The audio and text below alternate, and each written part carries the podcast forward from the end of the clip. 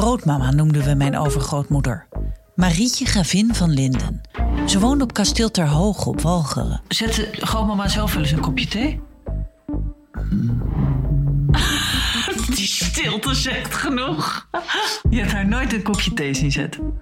Nee, dat deed Mina, denk ik. Mina Marinissen was haar dienstbode uit Koudekerken. Ze bleef altijd ongetrouwd en werkte hard voor haar mevrouw. Je kon bepaalde dingen wel eens merken dat ik dacht, doe je mond open. Ze kon geen kant op. Luister naar Mina en mevrouw. Een podcast van mij, Maartje Duin, voor VPRO's OVT, NPO Radio 1. Ter ere van 40 jaar Nacht van de Poëzie verzamel ik, Bianca Schrijver, buitengewone verhalen van gewone mensen in de podcast Nu je het zegt. Verhalen over veranderende vriendschappen, kleine heldendaden en ook over wachten op de dood. Ik bedoel, ik heb zeven jaar geleden dacht ik van ja, mijn pensioen ga ik niet halen. Omlijst met de mooiste optredens op de Nacht van de Poëzie hoor je elke aflevering één verhaal. Je moet er niet zo lachen, want ik... Luister nu je het zegt hier in je podcast-app.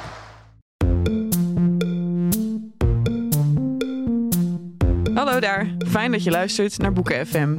Heb je een vraag voor ons? Stuur dan een mail naar boekenfm.dasmag.nl. En we zijn ook te vinden op Instagram, boekenfm. Wil je nou nooit meer een aflevering van ons missen? Abonneer je dan nu in je eigen podcast-app. En geef ons ook vooral een heleboel sterren en recensies. Dan zijn we ook zichtbaarder voor anderen die ons misschien willen luisteren. Ja, nee, je ziet echt mijn glazen kijken. Sarah Connor.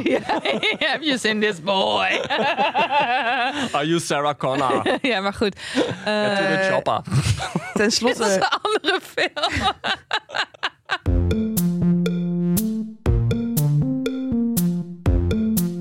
Hallo allemaal en welkom bij Boeken FM, de literaire podcast van de Groene Amsterdammer en uitgeverij Das Mag.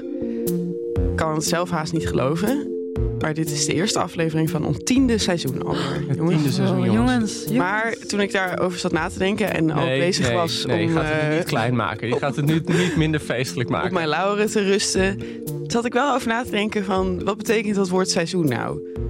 Dat is volgens mij geen beschermde term. Het is een beetje net zoals de seizoenen in de natuur, weet je wel? Van, in principe heb je herfst, winter, lente, voorjaar. Maar in, in de praktijk is het gewoon negen maanden herfst... en dan één maand mooi weer en dan één weekje sneeuw. Het is wel typisch dat je de zomer hebt overgeslagen. Oh ja, ja de zomer is eigenlijk steeds... aan Ja, waarin ons land een een wandelend crematorium wordt. Ja, moeten we seizoen niet gewoon opvatten zoals periode? Ja, maar ik bedoel meer gewoon dat we onszelf niet al te veel schouderklopjes mogen geven voor eh, tien seizoenen. Want Ik, dan- ik wilde er toch echt anders insteken. Ik wilde echt gewoon vol op het orgel gaan. Oh. Ik wilde gewoon zeggen, beste luisteraars, lieve vrienden, welkom bij het tiende seizoen. Het seizoen waarin we antwoord geven op al jullie vragen. Ja, Ik ik was heb de beste eh, roman van de afgelopen 24 jaar. Dat is de grootste, beste vergeten schrijfster van de 20e eeuw.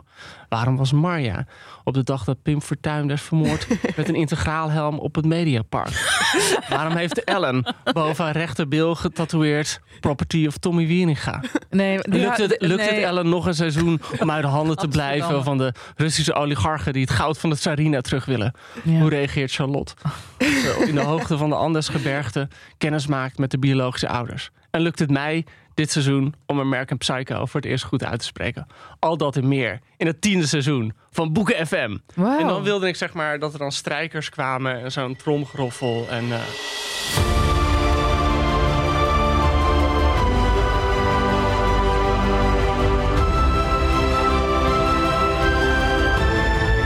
Ja, maar ik vind het heel grappig. Hoe weet je dat van die tatoeage? ja, oh, dat is... Ja, dat Ja, want, want, want, want eh, je zit er een heel... Kijk, Tommy heeft die tatoeage met mijn naam op zijn reet. Oh ja, ja. Maar ik vind het grappig hoe mensen dan altijd denken dat het een vrouw is die onder de naald is gegaan. Ja, nee, die tatoeage wordt doorgegeven ook. Het is zo'n Ja. een kring. Is. Ja, ja. prop, ja, ja. Ja.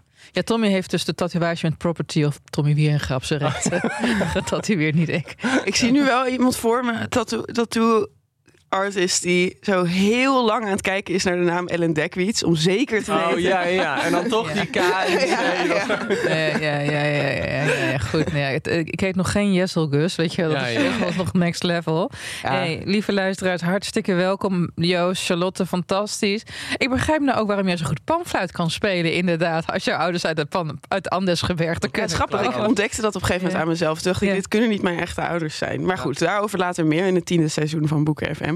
Eh, we beginnen op een iets nuchterder manier, namelijk door gewoon het beste boek eh, te bespreken volgens De Dagblad eh, Volkskrant, als jullie daar misschien bekend mee zijn. Eh, zij hadden op hun top 50 eh, dit boek op nummer 1 gezet, namelijk De Maniac van Benjamin Labatut. Tot ieders verbazing wel een beetje, heb ik het idee. Nee, ik, voor mij was het wel zo'n boek dat heel erg in de lucht hing. Ook toen het uitkwam al. Een paar jaar geleden heeft eh, Benjamin Labatut... en dat is een Chileen die, dan moet ik kijken of het goed zeg... in Nederland is geboren en opgegroeid. En daarna in Ja. Amerika heeft gewoond en nu weer in Chili woont. En spreekt hij Nederlands? Nee, dat Ah. blijkt uit het interview dat Maarten Steenmeijer met hem heeft afgenomen. Dat hij tot zijn veertiende in Nederland heeft gewoond en geen woord Nederlands heeft geleerd. En daar doet hij dan ook nog heel cute over in dat interview. Zo van, oh, ik spreek net genoeg Nederlands om een pannenkoek te kunnen bestellen. Maar ook een pannenkoek, weet Ik je wel. denk Van, "Ho, ik spreek 14 net genoeg jaar. Nederland om een paar klompen te kopen. Ja, zo- toch? Ja. Zo'n cliché. Wat Ja. was je 14 jaar aan het doen? Maar goed, Niet dat wij zeg maar alle Zuid-Amerikanen op één hoop gooien erover pamflet, pamfluiten te beginnen en anders gewerkt. Maar ja, maar ik- als jij 14 jaar in Chili woonde, denk ik toch dat je wel wat meer zou kunnen dan een pannenkoek ik denk dat ik dan wel redelijk eh, Spaans zou kunnen spreken, mag ik hopen inderdaad. Ja. Maar goed, Maarten Steenmeijer was super enthousiast over dit boek. eh, In de Volkskrant. In de Volkskrant. En heeft dus ook daarom Labatut geïnterviewd.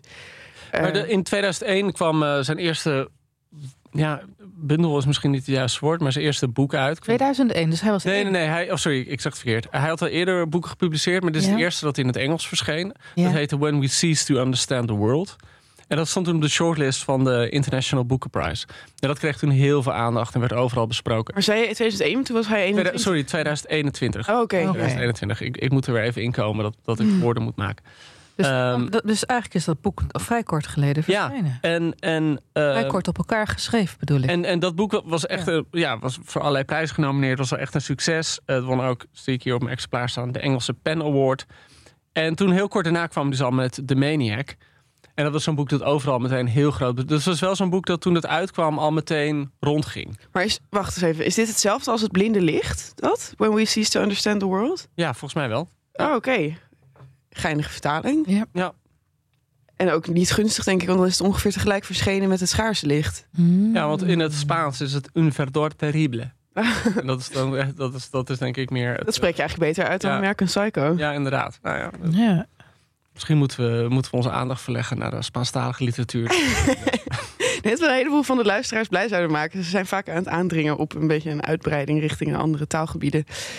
Maar Joost, jou was opgevallen eh, dat dit boek, De Maniac, eh een van een eh, soort van categorieboeken is die nu aan het verschijnen zijn in films en series over genieën uit onze geschiedenis. Wat, wat Labutu doet en, eh, in, in zowel zijn vorige boek als nu in De Maniac. Het zijn eigenlijk allemaal een soort van korte profielen van natuurkundige denkers. Van hele grote genieën en van wiskundigen. En, en in, ehm, nou ja, goed, When We Cease to Understand the World... heeft hij bijvoorbeeld over de man die eh, het vergif heeft uitgevonden... waarmee eh, de Joden zijn vergast. En hij heeft het over een, ehm, een eh, Shinichi Mochizuku, een Japanse blogger eigenlijk... die een soort van gigantisch wiskundig probleem wist op te lossen... op zijn blog zette en waardoor de hele wiskundige wereld gek werd... en het daarna weer eraf haalde. En hij heeft een heel groot stuk over... Waar eh, bloggen wel niet goed voor kan zijn. Ja. ja, en hij heeft een heel groot stuk over eh, Heisenberg, een beroemde eh, Duitse natuurkundige, die opeens ontdekte van de wereld zoals ze over kwantummechanica nadacht. En opeens zag de wereld zoals die we denken dat we die kunnen waarnemen, zien we helemaal niet. En eh, dan, dan, de- de- aan de ene kant, ik, ik noem het nu een stuk omdat het bijna journalistiek proza is. Ja. In de zin dat het is heel strak geschreven, heel, heel dwingend. Heel feitelijk, in de zin dat, dat ja, het, gaat, staat gewoon vol met dingen die echt zijn gebeurd. En dan voegt hij daar, dat denk ik dan, een aantal scènes aan toe... eh, waarin hij wel zijn fantasie de vrije loop laat gaan. Dus Heisenberg, dat, is dat langste verhaal... eh, gaat op een gegeven moment naar eh, Heligoland, een afgelegen eiland. En dan gaat hij daar gewoon de hele dag zitten nadenken. En zijn nagels vallen eruit. En hij laat een baard staan. En hij vergeet te eten. En hij wordt ziek. En hij krijgt schimmel op zijn huid. Omdat hij gewoon alleen maar zit na te denken over kwantummechanica. Denken, denken, denken. Oh, wat symbolisch. En eh, dat is eigenlijk wat er in de Maniac ook gebeurt. Dat, dat, het begint met een eh, verhaal over eh, Paul Erevest... die zijn zoontje ombracht en daarna zichzelf. Oh, en eigenlijk God. ook heel erg met zo'n idee. in Nederland was het trouwens in de jaren 30. En ehm, heel erg met zo'n, zoals het wordt opgeschreven door Labatou tenminste, alsof hij een soort van over te grote problemen nadacht. Om nog in contact met de wereld te kunnen staan. Nou ja, en het na- naderende nazisme, eh, fascisme. Ja, hè? ja. en dan het eh, grootste, het allergrootste gedeelte eh, van de maniak gaat over Johnny van Neumann. Ja. Een soort van geniale, wiskundige alleskunner. Een man die, die bijna te groot was om te beschrijven. Dus het zijn allemaal van die portretten van genieën. En nee, ik zat er inderdaad over na te denken. Van, het is wel grappig dat je, je hebt heel lang. Ik, ik, ik zat ook, in- ik vond het wel typisch dat dit dan het boek van het jaar werd, omdat Oppenheimer de film Ja. van het jaar was. Dat je opeens zo allemaal, en er komen nu komende tijd op Netflix en op andere kanalen, allemaal van die series uit over Einstein, over, over van die, allemaal van die wiskundige figuren. En ik zat er een beetje over na te denken, want wij hebben natuurlijk in de podcast hebben we het gehad over eh, monsters van Ja, ik zat ook aan te denken. En de mythe van het genie. Ja, en dat is eigenlijk de mythe van het genie. Maar dat ging altijd over het kunstzinnig genie. En dat was dan altijd het genie dat alleen maar aan het MeToo was. En zijn vrouwen onderdrukte. En, en eh, misbruik van ze maakte. En noem maar op. En het voelde dan bijna aan alsof, je, alsof er nog wel zo'n fascinatie is voor het mannelijke genie. Maar het is een beetje ongepast om het dan elke keer bij die kunstenaars te zoeken. Want die hadden gewoon losse handjes. Dus zoeken ze het nu bij van die mannen die helemaal zo aan het denken waren dat ze zichzelf helemaal verteerden. Ja, maar dat is een trend is. die zichzelf natuurlijk in de loop der decennia constant herhaalt. Hè? Zeker in tijden wanneer er politieke onzekerheid is. Omdat politieke onzekerheid zeker in de afgelopen honderd jaar gepaard gaat met ja, nucleaire onzekerheid. Ja. Ehm, waar ik heel erg aan moest denken was die ene hit Gödel Eschebach van Douglas R. Hofstadter. Waarin het, eh, wa- waarin het opeens ook helemaal ging over eh, hoe onkenbaar, hoe je, geen, hoe je geen frames kan maken om de hele wereld van uit te begrijpen. Hè? Gödel heeft ook een rol in dit boek, wil ik zo meteen eventjes opkomen. En eh, ja, je hebt natuurlijk van films als Good Will Hunting heb je al eigenlijk eh, ja. het. eh, en en dat, dat, misschien kunnen we dan meteen even komen op een van de kernpunten van dit boek.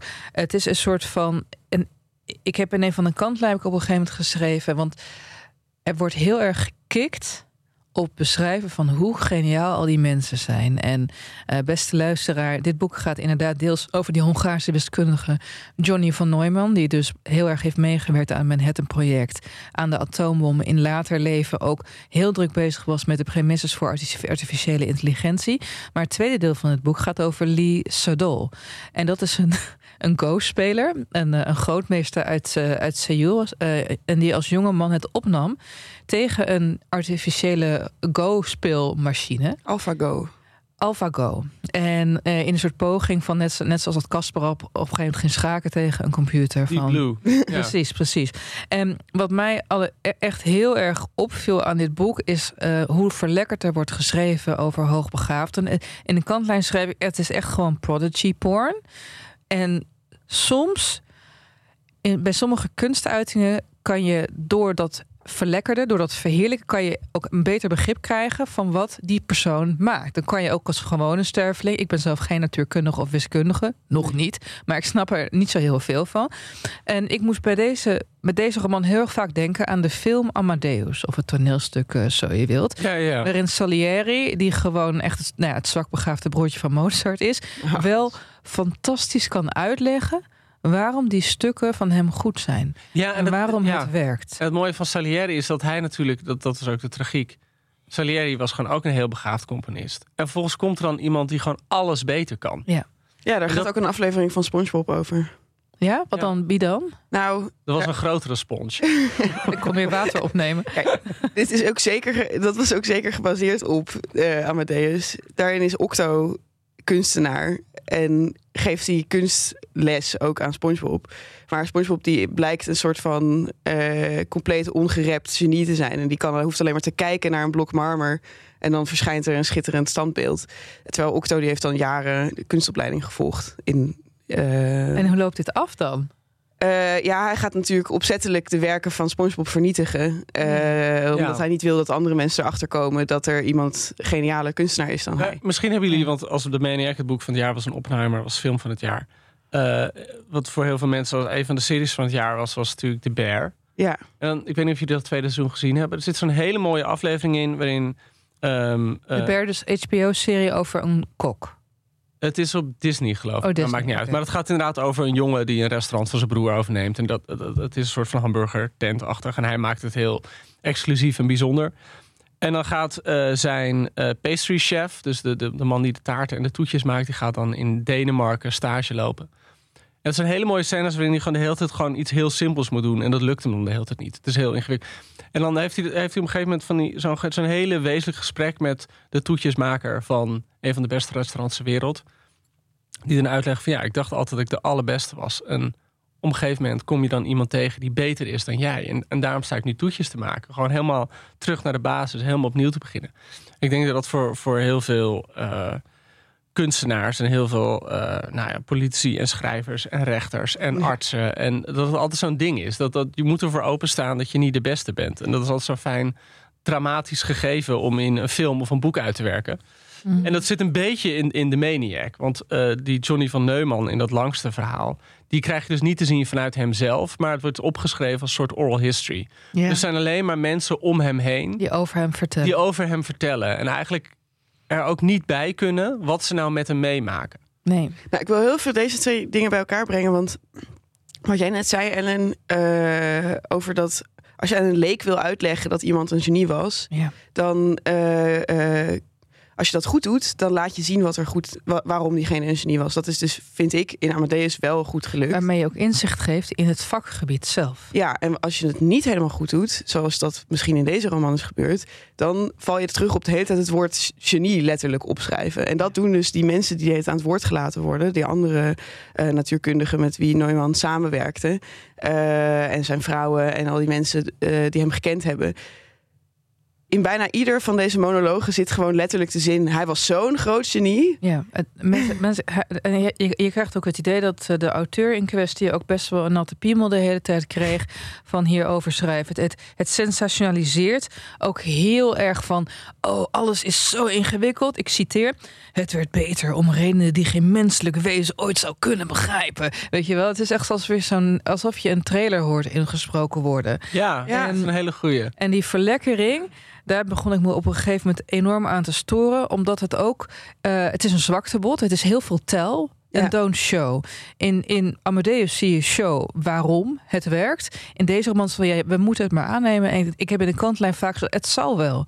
En Ja, met name omdat hij zelf nooit aan het woord komt. Hè? Neumann, die is in het hele boek nooit de verteller. nee. Persis Bekkering heeft het besproken voor NRC, dit boek. En eh, zij schreef van, nou dat is een beetje raar dat je hem nooit eh, eh, hoort. Maar misschien wel begrijpelijk, want dan zou je dus die geniale geest moeten weergeven in schrift. En dat kan niet, omdat hij zo geniaal is. Ik denk van, ja, maar dat is toch een beetje Ja, maar je kan best... kantjes ervan aflopen, dat- denk ik. Ja, ja, absoluut, absoluut. Dat heeft Christopher Nolan dan tenminste wel nog geprobeerd, I guess, in, in Oppenheimer. Ja, en wa- wat ik, wat ik heel storend aan dit boek vind, en laten we trouwens zeggen, eh, Neumann is maar de helft van dit boek. Hè? Het Ja. tweede deel gaat weliswaar over een artificial programma dat Go leert spelen, gebaseerd op kennis die zonder Neumann gewoon niet bereikbaar was geweest voor de mensheid. Ehm, dit boek is eigenlijk de. Ik, ik ging er doorheen. Ik, ik, ga, ik, ik maak aparte aantekeningen maar altijd bij wat ik goede plekken en goede, goede stukken tekst vind.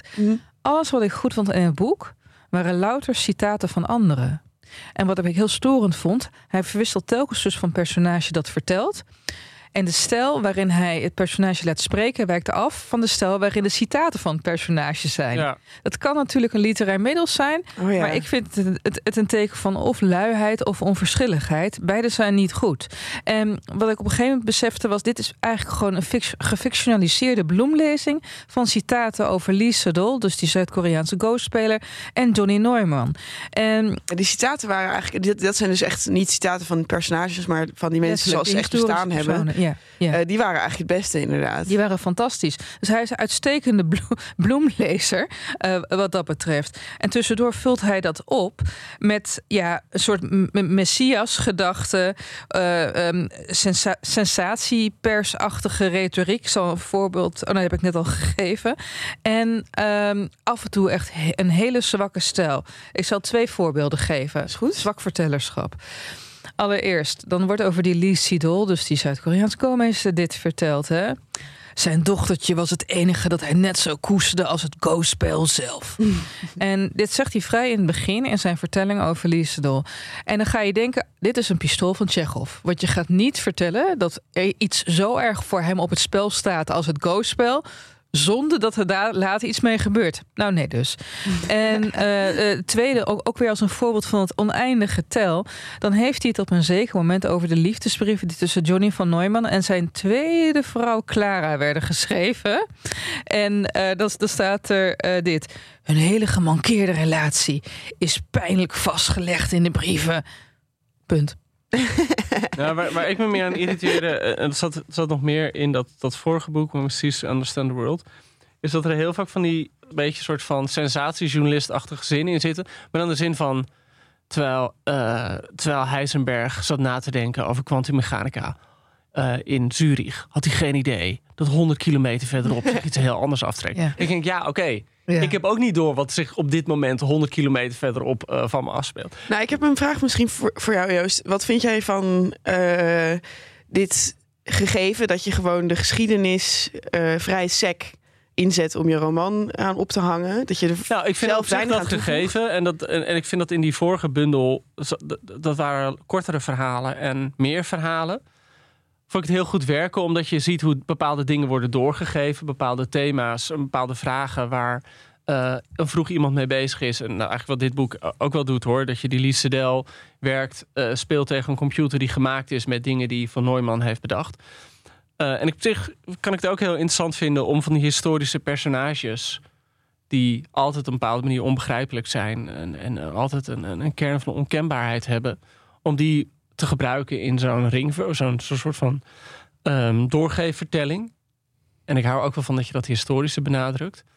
Uh, maar ik had dus eigenlijk verwacht dat hij het veel meer zou fictionaliseren. Ja. En dat het veel meer. Uh, dat, hij, dat hij veel meer personage van ze zou maken. En nu voelde het voor mij aan. Dan moeten we oppassen dat we niet zeg maar na kwartier praten het boek al tot de grond hebben afgebrand. Maar mag ach. Um, hm. Maar het voelt hm. wel soms aan alsof hij. Ja, gewoon uh, een, een, chronologie heeft gemaakt van hun levens. Uh, precies wat Ellen zei. Daar een aantal goede citaten uit brieven en dagboeken en speeches bij verzameld. En het dan heel strak met een beetje van die, van die stemmingmakende zinnen opschrijft. En dat is het. Ja, dus, dus, dus het, het, het, ja, het is meer alsof hij een soort van Wikipedia-lemma tot leven wilde blazen dan dat hij een personage tot leven Ja en nee, want er is wel. Oh, ik, ik onderbreek je even, maar er is wel, er is wel. Kijk, we zijn nu vrij scherp al meteen. hè? Um, je kan, je kan inderdaad, als je zo'n geschiedenis vertelt van eigenlijk twee genieën, Johnny van Neumann en Lise Dol. Vaak zijn dat soort genievertellingen zijn menselijk. Weet je wel, dat hebben we in Amadeus gezien. Hoe het is om degene te zijn die niet zo goed is. Good Hunting moet ik aan denken. Hoe je als wiskundig genie helemaal vervreemd raakt. A Beautiful Mind, hoe je helemaal gek maakt als, als, genie. Um, hij, hij schrijft hier in een vrij beroerde stijl van alles op. Een stijl die niet zou misstaan in de gemiddelde Lutlum. Bijvoorbeeld, hij benaderde het go-board zoals een tijger die zijn prooi besloop. Letterlijk citaat, mensen. Ja.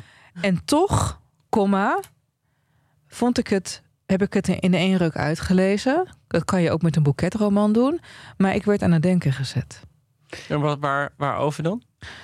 Aan de hand van iets waar ik ook door het kijken van Oppenheimer natuurlijk al aan het denken was. Kijk, wat Christopher Nolan in die film heel goed illustreert, is hoe je in wetenschappelijke fascinatie allemaal immorele beslissingen gaat nemen, zoals het bouwen van de atoombom. Ja. ja. En um, Oppenheimer gaat natuurlijk heel erg over de vroeging die hij voelt. En hij heeft dan ook steeds allemaal visioenen waarin. Uh, de wereld verbrandt. Ja, ja, precies. Ja. Waar je, uh, en, en wat dan zou dit wordt dan gemarket, althans, het wordt dan uh, uh, door critici en op de websites van boekhandels en zo wordt, wordt dit boek gezet als uh, de man die geen vroeging had over het bouwen van de bom. Mm -hmm. En dacht ik van ja, maar is dat zo? Want we weten helemaal niet wat hij. Nou ja, dan, nou, in die zin krijg je dat van, van Neumann wel te merken dat hij gewoon heel geniaal is. En eigenlijk meer en meer in het begin, in zijn Hongaarse dagen, lijkt er nog een soort van nou, verstrooid is niet het juiste woord, maar een hele vrolijke jongen.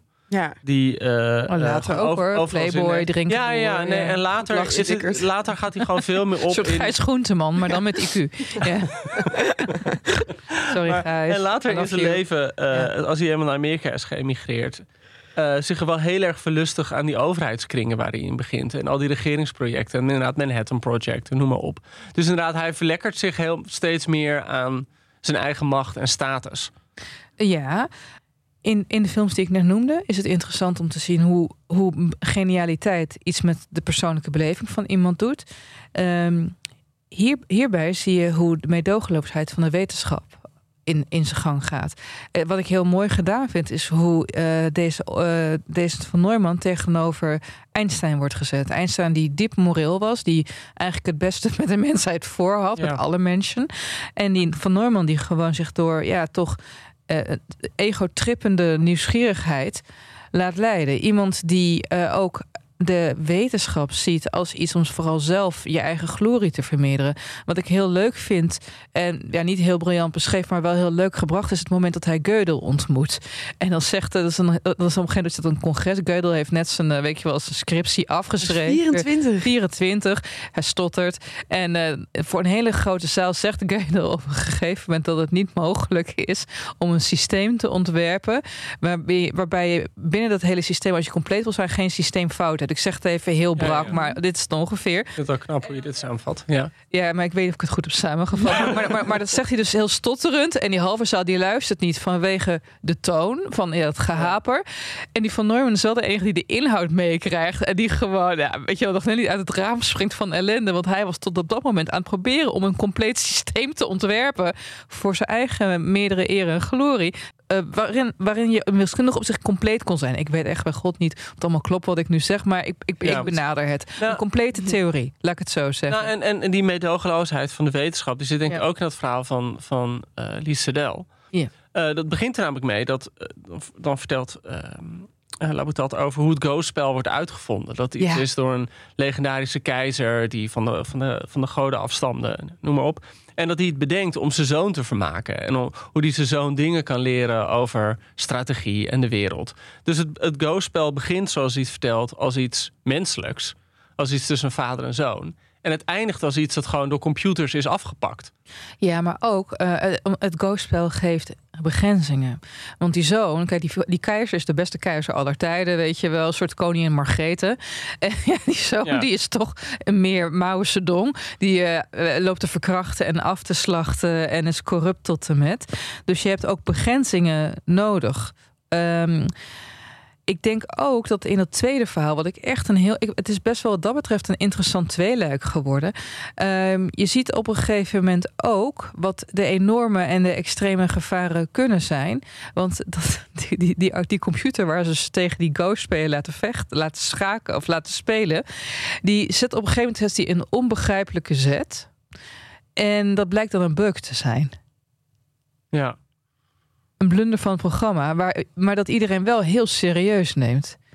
Net zoals dat wij bij mensen soms dingen serieus nemen. Ja, ja, ja. Die gewoon een beetje een oepsmomentje zijn Oh ja. Nou ja, maar dat wordt wel de hele tijd tegenover elkaar gezet, toch? In dit boek. Dat is een beetje. Wij zijn die tegenstelling eigenlijk al gewend sinds Frankenstein misschien.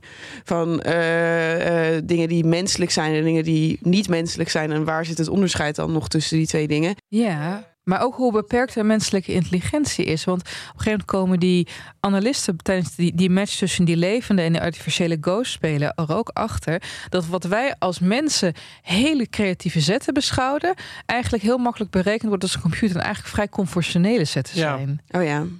Dat vond ik ook echt fascinerend. En um, wat het heel mooi toont, is hoe menselijke intelligentie totaal anders werkt dan kunstmatige intelligentie. Omdat, omdat je bij een mens nooit zeker kan weten welke programma's, voor lack of a better word, tegelijkertijd aan zijn. Ja. Er is een symbolisch programma, er is een wiskundig programma aan terwijl je Go speelt. Er is een emotioneel programma, stress speelt een rol.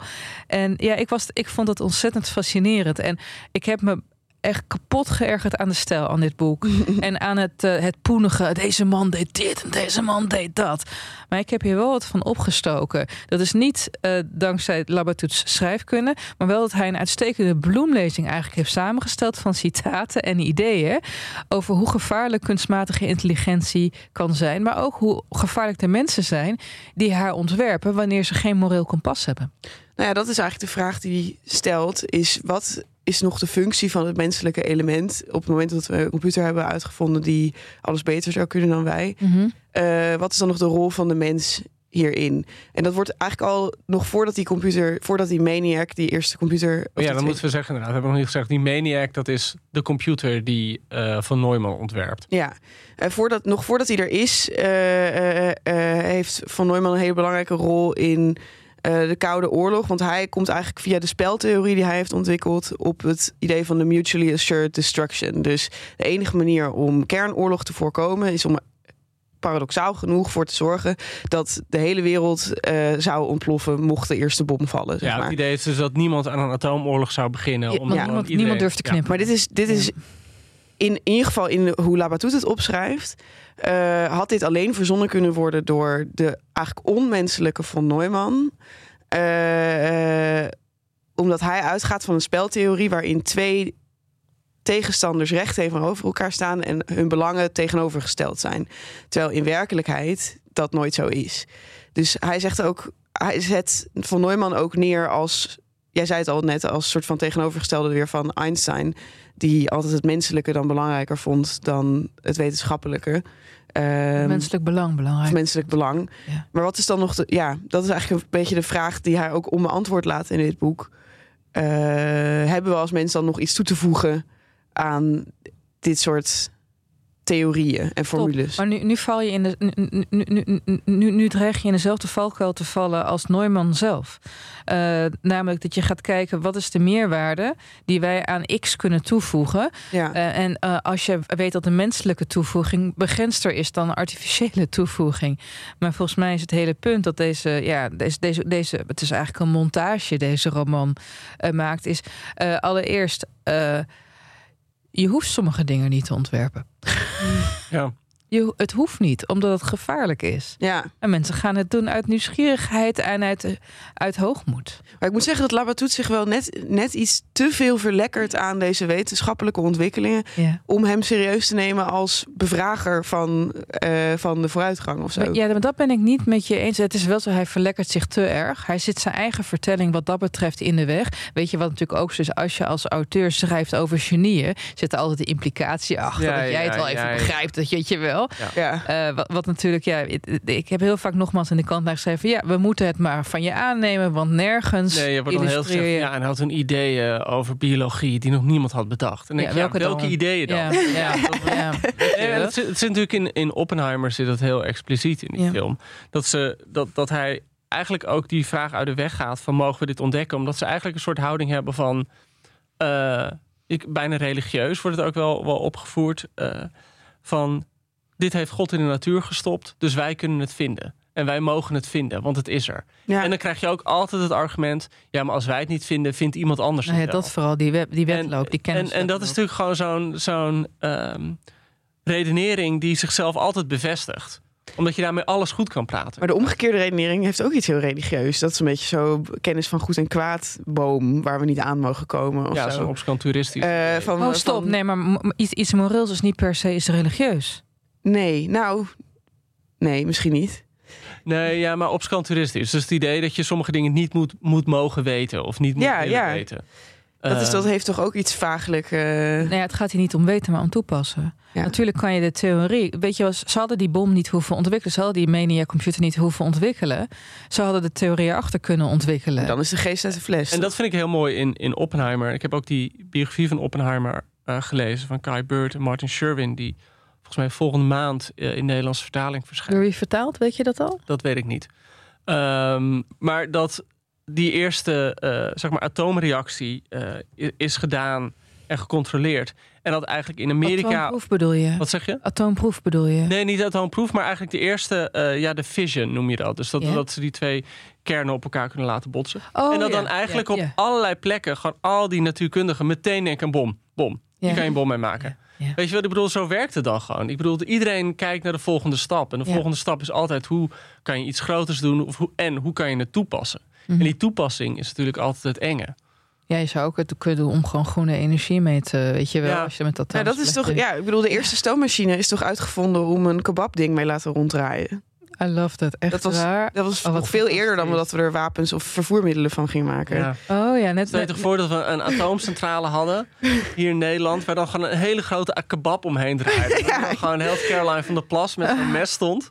Ja, maar ik bedoel, dat is toch, dat is toch eigenlijk bewijs dat, dat, dat je hoeft niet meteen wapens als doel te hebben. Nee. Eh, Nou ja, grappig, want, want eh, als je bijvoorbeeld kijkt naar Zuid-Amerika, voordat eh, de, de conquistadores kwamen, men, men zegt altijd van ja, ze hadden het wiel niet uitgevonden. Jawel, ze hadden eh, speelgoedwagentjes m- voor, hun kind, voor de poppen van hun kinderen, maar niemand was op het idee gekomen om strijdwagens waarmee je een enorm strategisch voordeel hebt Ja. te gaan ontwerpen. Dus real life. Dus je moet er ook in kijken. de- Het gaat ook om de intent die je hebt.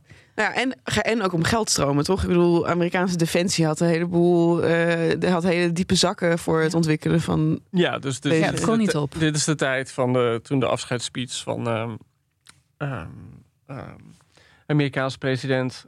Godsamme, ik ben toch niet nu de persoon die niet op de naam van een Amerikaanse president kan komen. Bedoel je Eisenhower? Ja, Eisenhower, ja. Godsamme, ik kon niet op de naam van Eisenhower komen. Maar die, toen hij aftrapte, toen hield hij voor het eerst zo'n speech over het, eh, het militair-industrieel complex. En die zei van, we gaan nu een wereld tegemoet waar eh, er zo'n enorme geldstromen door het leger heen gaan, dat het niet te stoppen is. En dat we alleen nog maar oorlog zullen voeren en wapens zullen bouwen, omdat het gewoon het grootste verdienmodel ter wereld is. Ja, nog steeds. En dat is nog steeds, ja. Ja. Oké, dit is een hele eh, grimmige eh, noot. Ik denk dat ik misschien daar even iets tegenover wil Ja. zetten. Oh. Ma- Mag ik daar eens tegenover Wat zetten? je er Nou, ik, weet, ik voel gewoon in deze ruimte dat er allerlei goed nieuws in de lucht Oh, hangt. Nou ja, het eerste goede nieuws is nu we het over Eisenhower hebben. Ik was dus bij mijn dierenarts en daar hing een briefje met een kat erop van gezocht Eisenhower. En toen was de rest van mijn week helemaal goed. Maar Maar, ik heb zo het gevoel dat jij ook nog wat anders te vertellen hebt. ja, jongens, het stond zaterdag in de krant en eh, ik ben een nieuwe stadsdichter Ah. des vaderlands, zou ik zeggen. Ja, Amsterdam is toch... Amsterdam. Stadsdichter Nee. des vaderstad. Ja, ja, stadsdichter van Amsterdam. En fun fact, ik heb jarenlang Leuk. geprobeerd om dorpsdichter van Borne te worden. Het dorp waar ik uitkom. Nou, de gemeente wilde niet. Nou, dan ben ik, nu word ik stadsdichter van Gemeente, Amsterdam. dat is dan toch één iemand waar je gewoon even mee moet Ja. handdrukken of Nee. zo? Nee, nee, nee, nee, Je maakt het weer veel te klein. moet een lobby Mark. voor, Charlotte. Dit is, echt, dit is eh, gewoon maar superleuk. Ja. En ook echt zo. eh, Dan, dan doe je denk ik heel veel in het parool. Nou, ja en nee. Eh, ik, ga, ik, ik ga vooral de hoort op. Ik ga, ik ga een basisscholen eh, en middelbare scholen bezoeken die slecht scoren op PISA. Ik ga eh, kijken naar ja, kinderen die echt laag geletterd zijn. Ik ga met hen gedichten schrijven. Er komen gedichten van mij in Parool, inderdaad. De één na beste krant van Nederland op het NRC na natuurlijk. En ja, verder, je gaat je blik over de stad laten schijnen. Ja, dat is wel echt heel leuk. En ik, Ja. ik merk zeg dat hiervoor was Marjolein van Heemstruiten. Ja. En je merkt toch dat je het altijd leuk vindt als er dan weer dingen zijn gebeurd. Om te, of, hè, je hebt altijd rellen en toestanden in de stad. Eh, Mhm. dat je altijd benieuwd bent wat de stadsdichter ervan bakt. Je denkt, oh leuk, een rel. Ja, Kijk wat oh, Marjolein ja, gewoon, ja, een aanslag. Hm, wat voor gedicht wordt er Ja. Nee, maar ja, ja. ik heb het ook met de dichteres of de dichter des vaderlands. Ik, ik, ja, ik, ik vind het toch altijd heel interessant hoe dat vertaalt, hoe bepaalde nationale kwesties vertaald worden naar kunst. Lieke deed dat fantastisch. Ja, Babs is natuurlijk nu ziek. Lieke deed dat fantastisch, Lieke Marsman. Ja, Ja. klopt. Maar zo aan deze linkerkant van de ruimte Ja, voel ik ook een ook heleboel eh, positieve energie en goed nieuws energie. Joost. Oh, oh, oh, gewoon Joost. grote krachten, krachten spelen zich hier af. Ja, Nou, luister. hogere, misschien wel Misschien wel hogere Mag- machten. Joost, gefeliciteerd met je hoeveelste Dit roman? is mijn vierde roman. Vierde roman Hogere net machten. uitgekomen. Nou, wij Ja. waren op het Het is presentatie. gemiddeld eens in de tien jaar. Ja. Ja. Charlotte, Charlotte, Charlotte. Waarom moet je nou zo het jaar beginnen? Waarom gewoon de eerste aflevering? Oh, oh, oh. En je was, je was gisteren of eergisteren op mijn boekpresentatie... was je nog zo lief en aardig. En Ja, nu is het gewoon meteen weer... Dat is waar, ik was erg Ehm, ontroerd. Maar je gaf ook een heel eh, mooi praatje, moet ik wel Ik zeggen. gaf een mooi praatje. Eh, ja, ik praat heel veel. Eh, nee, ja, ik zit nu in die gekke fase dat eh, mijn, mijn roman is nu net verschenen. Ligt sinds gisteren in de winkel. op het moment dat we opnemen, dat eh, ligt sinds gisteren op, in de winkel. En het is een boek... ehm, ja, ik kan me eigenlijk niet heugen dat ik met zoveel plezier heb zitten schrijven. En het gaat over een man en een vrouw die over een periode van 30 jaar een aan- en uit affaire met elkaar hebben. James Welmoed en Elisabeth van Elsenburg. Het speelt zich maar af van de jaren 30 tot jaren 60. En ik heb daar met alleen maar plezier aan gewerkt. En nu is dat gekke moment. Ja, Ellen, dat zul jij ook wel met je bundels kennen. Het is gewoon zo heerlijk, zo'n project dat je hebt. En waar je de hele tijd over kan dagdromen. En waar je nou ja, al je, je liefde en ideeën en uh, alles dat je hebt en weet instopt. En nu is het er gewoon niet meer. Ja, is dat is leeg. Nu is het gewoon weg. Ja. En, en heb je er eigenlijk heel weinig meer, meer over te zeggen. Dat het af is? Ben je dan niet gewoon blij dat het klaar is? Ja, het is iets anders dan gewoon een deadline voor een artikel. Ja, ja. Het, is, het is een wezenlijk deel van je leven waar je opeens je bek over moet gaan houden. Ja, dat is het gewoon. Omdat je anders bang bent dat je nog een briljanter idee krijgt wat het in had. Ja, dat. En opeens leef je het Oh. uit aan iemand anders. En jij hebt allemaal ideeën over... Ik heb allemaal ideeën over mijn personages en hoe, hoe Welmoed en Elisabeth in elkaar zitten. En nu is het gewoon aan, iemand, aan andere mensen om daar ideeën over te krijgen. Maar verheug je je dan niet op daar dan over praten met interviews en dingen? Ja, nee, dus ik heb nu heel veel, veel interviews gedaan. En de komende tijd heb ik er ook nog wel een hoop. En eh, eh, dan is het altijd, ben ik, al- je bent altijd benieuwd wat mensen oppikken. Wat, wat nou de scènes zijn die ze het meest bijblijven. En mijn ervaring is dat het ook heel vaak andere dingen zijn dan jij in gedachten hebt. Ja. Eh, dus, dat dus- omdat de lezers dan gewoon niet slim genoeg zijn om het op de juiste manier te lezen? Of? Nee, nee, het gaat helemaal niet om slim genoeg zijn. Ik bedoel, er is niet één juiste... Kom op, dat, dat hebben jij en ik denk ik eh, elke keer als we dit doen ook. Er is niet één juiste manier om een boek te lezen. Ik bedoel, Nee. je hebt gewoon scènes en personages... en bij de een resoneert iets anders dan bij een ander. Ja, oké. En ehm, dus, dus wat dat betreft eh, weet je ook nooit helemaal waar je aan toe bent. En weet je ook nooit waar je, eh, wat, je, wat je kunt verwachten. En dat, dat is ook een van de gekke dingen. Dus ik, ik zit nu wel met zo'n soort van, van onrust in je buik. Dat Mm. eh, eh, je hebt zelf jarenlang alles, zeg maar, alle touwtjes in handen kunnen hebben. Want jij bent als enige ben je het aan het maken. En nu heb je gewoon niks meer in je handen. Dus ja, Ja. dat is gewoon zo'n bijzondere, ja, een bijzonder moment. Het is ook een beetje alsof je kind uit huis gaat of zo. Ja, ja, maar je kind komt denk ik af en toe nog wel terug gewoon om de was Ja, dat te hoop je dan. En, zo, en, en om geld te vragen. En dit is gewoon klaar. Ja. Ja. Maar goed, geniet ervan, Joost. Ja. Want hiep, hiep, hoera. En het was nogmaals een prachtige presentatie. We kwam ook op, veel iedereen kwam en ging net op het goede moment. Annette Mooi was nog het gebouw niet uit. Toen kwam Connie Palme alweer binnen. Het was gewoon echt perfect Ja, afgestemd. dat, daar had Joost iemand voor ingehuurd om eh, deze Ja, wisseltruc ja, toe te passen. Eh, nou ja, goed. Dan is wat is ook weer de call to action voor de luisteraars dan? Nou, de call to action voor de luisteraars natuurlijk. ehm, ja, koop, Koop dat boek. fucking boek. ja, ik bedoel, jongens, als je van deze... hoeft het niet als je- te lezen. Dus echt, als je, als je van deze podcast houdt, nou, jongens, dit is echt een boek, een boek voor, voor, voor de luisteraar van de podcast. Ik heb misschien ook nog een vraag over het boek aan jou. Want jij kiest er ook voor om het eh, historisch eh, in te steken. En jij bent ook een groot eh, lezer van eh, geschiedenis. En een kenner van geschiedenis, om het maar even zo te zeggen.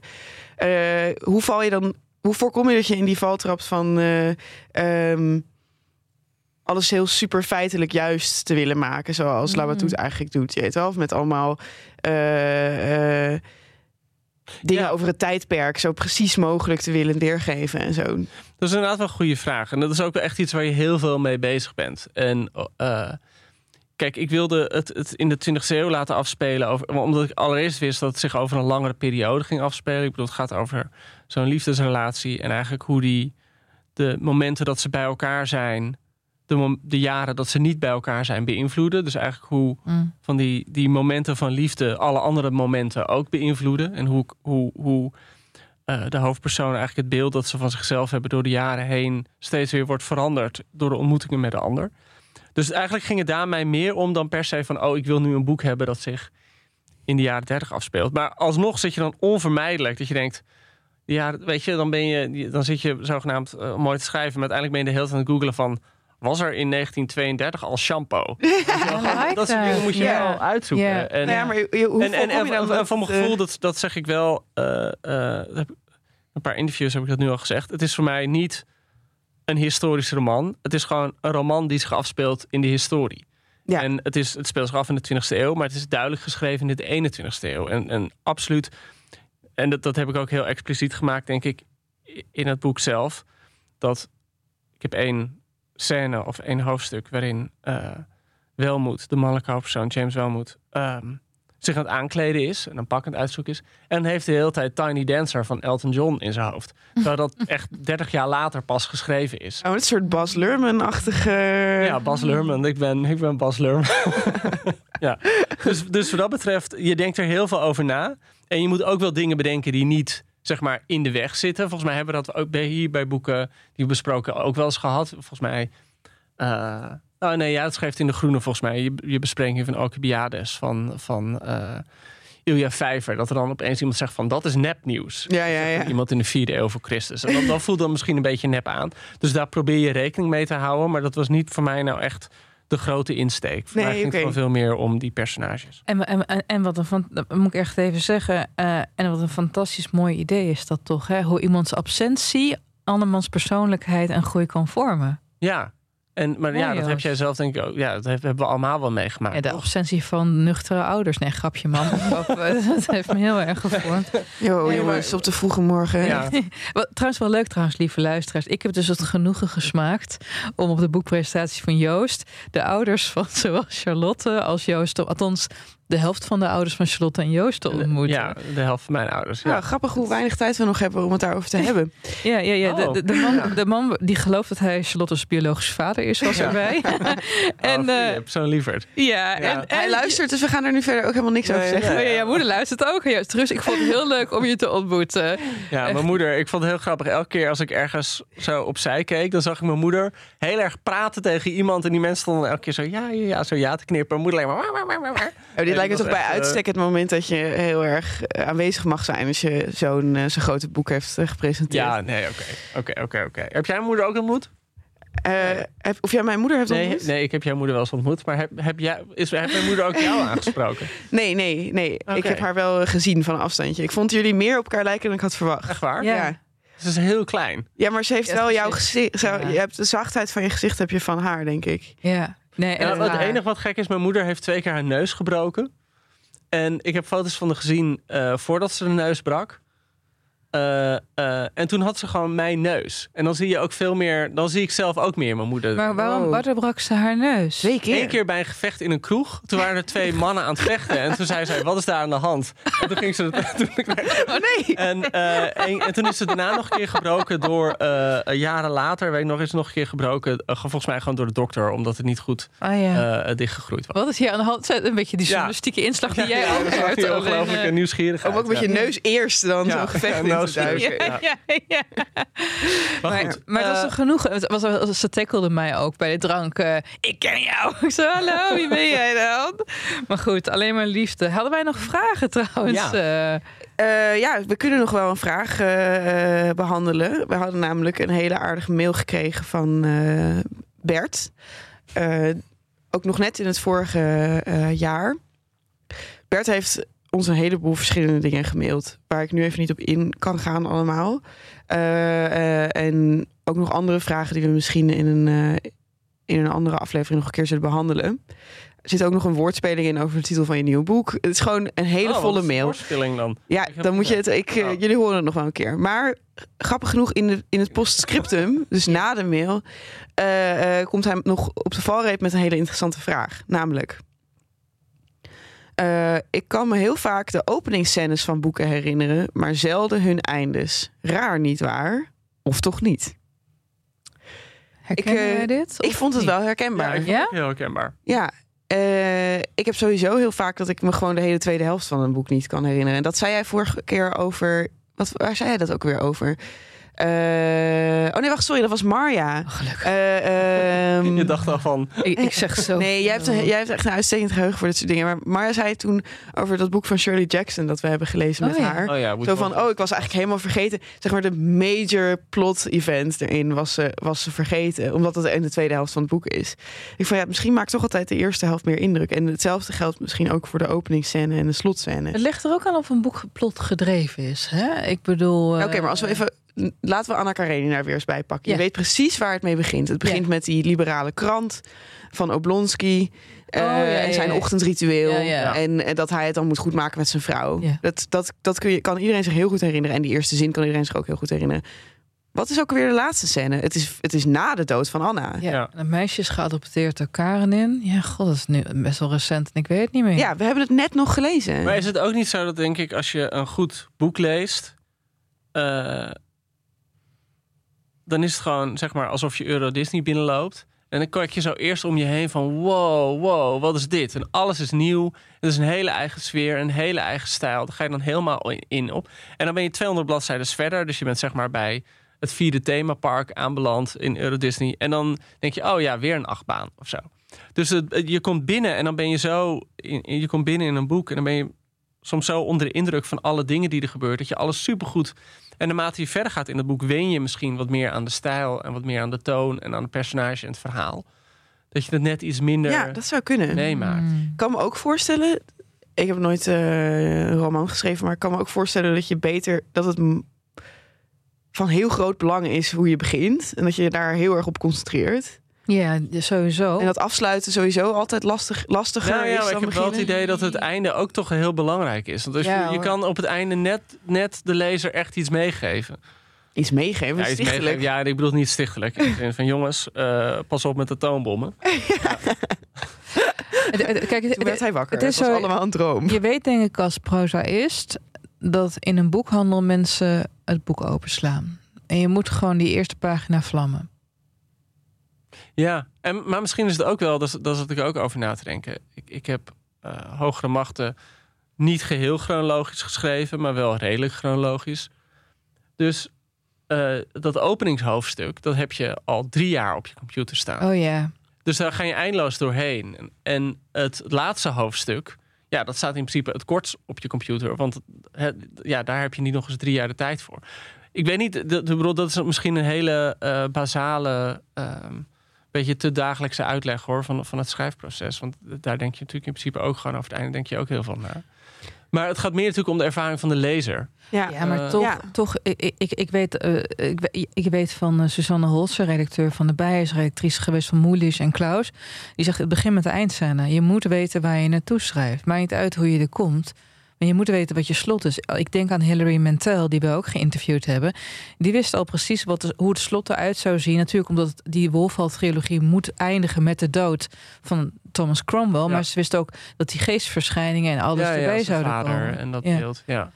Kan ik iets anders vragen aan jullie? Hè? Want we hebben het over dat we niet, of niet alle slotstukken onthouden. Maar welke zijn jullie wel bijgebleven? Wat vonden jullie sterke eindes van romans?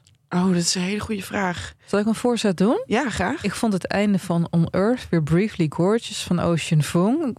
Ik, was medium enthousiast over die roman. Eh, het, dat boek is eigenlijk een brief aan zijn moeder die niet kan lezen. Over het leven, het lijden, dat hij eigenlijk gay is en alles. Mm. En uiteindelijk is er een soort van heel mooi haast een Escher-achtige een Escher-achtig beeld van mensen die maar in elkaar in dieren en weer in andere dieren incarneren terwijl ze massaal van een berg aan het af, of van een klif aan het afspringen zijn.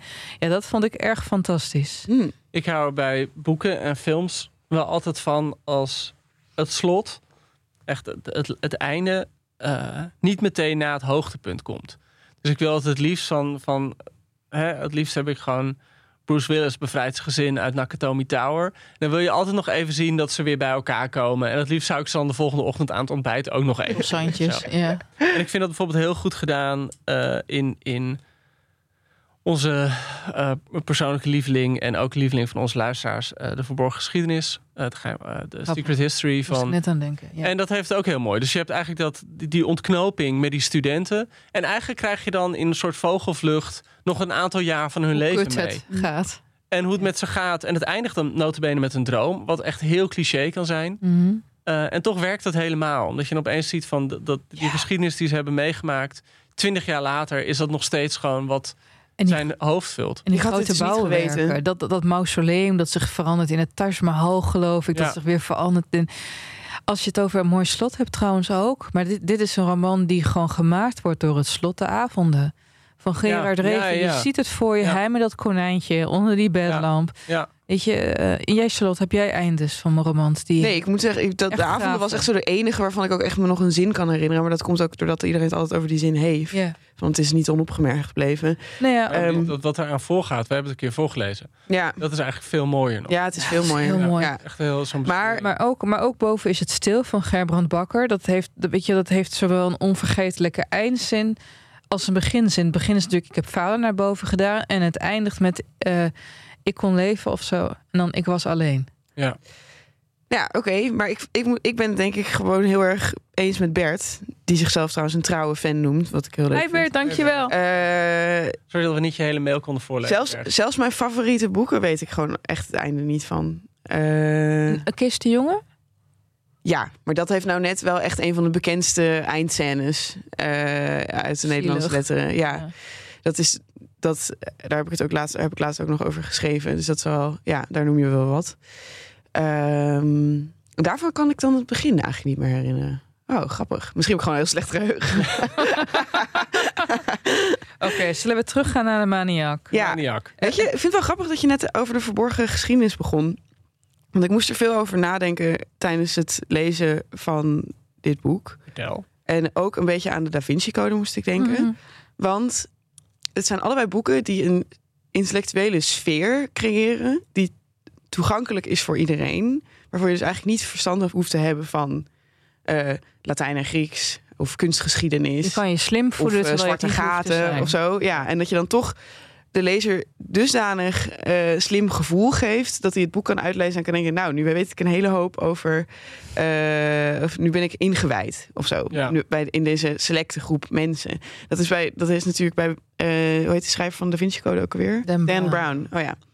Ik heb heel veel van hem gelezen. En hij heeft, heel, hij heeft vaak dan zo'n onderwerp waar je, waar je helemaal geen verstand van hebt. Hij heeft bijvoorbeeld één boek over eh, eh, potentieel bestaan van buiten, buitenaards leven, zeg maar. En dan gaat het, is er zo'n meteoriet in het ijs terechtgekomen. En dan, nou ja, het, het hangt er in ieder geval om of er wel of niet een of ander insect op die meteoriet zit. Eh, je ziet, ik heb hier helemaal geen verstand van. Maar als je dat aan het lezen bent, ik vind dus dat Dan Brown dat ook beter doet dan Abbott doet. heb je heel erg het idee dat jij zelf ook betrokken bij- bent bij die ontdekking. Ja. En bij die, eh, eh, eh, die wedloop waar die wetenschappers dan in zitten eh, verwikkeld. Ja, en dat vind ik ook het goede van dit boek. Want het maakt wel een aantal dingen heel erg inzichtelijk. Ja, het is Leentjebuur, weet je wel. Ja. De beste stukken zijn gewoon nou, ja, niet gejat, maar geciteerd. Wat natuurlijk ook een vorm van eh jatten is, maar dan Mhm. gelegaliseerd. En ik denk dat het een heel belangrijk boek is voor deze tijd. En wat de grap ook is, vorig jaar kwam het manifest uit van tegen aantal wetenschappers voor de gevaar, om te benadrukken wat de gevaren zijn van artificial intelligence. En een aantal van de mensen, dus die Habis, die bijvoorbeeld ook aanhaalt, die dus achter het ontwerp van die Go-computer zit, die heeft dat ook ondertekend. Oh, Ja. grappig. Dus, dus, dus, dus nee, ik ik denk, je moet het eigenlijk wel echt lezen. Is het als roman geslaagd? Nee, joh. Het is super slecht. Nee, maar het is inderdaad ook, en, en, en dat, dat laat het mooi zien, eh, hoe menselijk denken eh, een soort van onmenselijk handelen in gang kan zetten. En eh, ik vind dat, wat dat betreft vind ik dat ook interessant. En, en oké, eh, eh, Van Neumann had dat niet, die was er trots op. Maar bij heel veel van die gevallen, weet je, je hebt heel veel uitvinders eh, die spuit van een uitvinding hebben gehad. En Oppenheimer is natuurlijk de bekendste. Maar ook bijvoorbeeld meneer Kalashnikov. Weet je wel, die is later gewoon godsdienstwaanzinnig geworden... omdat hij zo'n spijt had van wat hij gedaan heeft.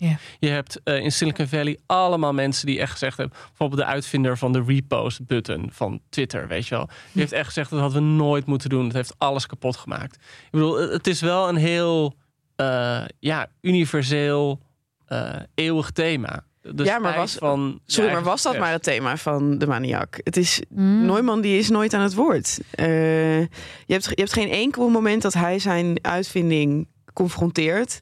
eh, en beseft wat hij heeft aangericht. En, eh, maar, dat, maar dat- hij is gewetenloos. En hij heeft wel een beetje spijt op het laatst... wanneer hij ook gewoon kanker heeft en eh godsdienstwaanzinnig wordt.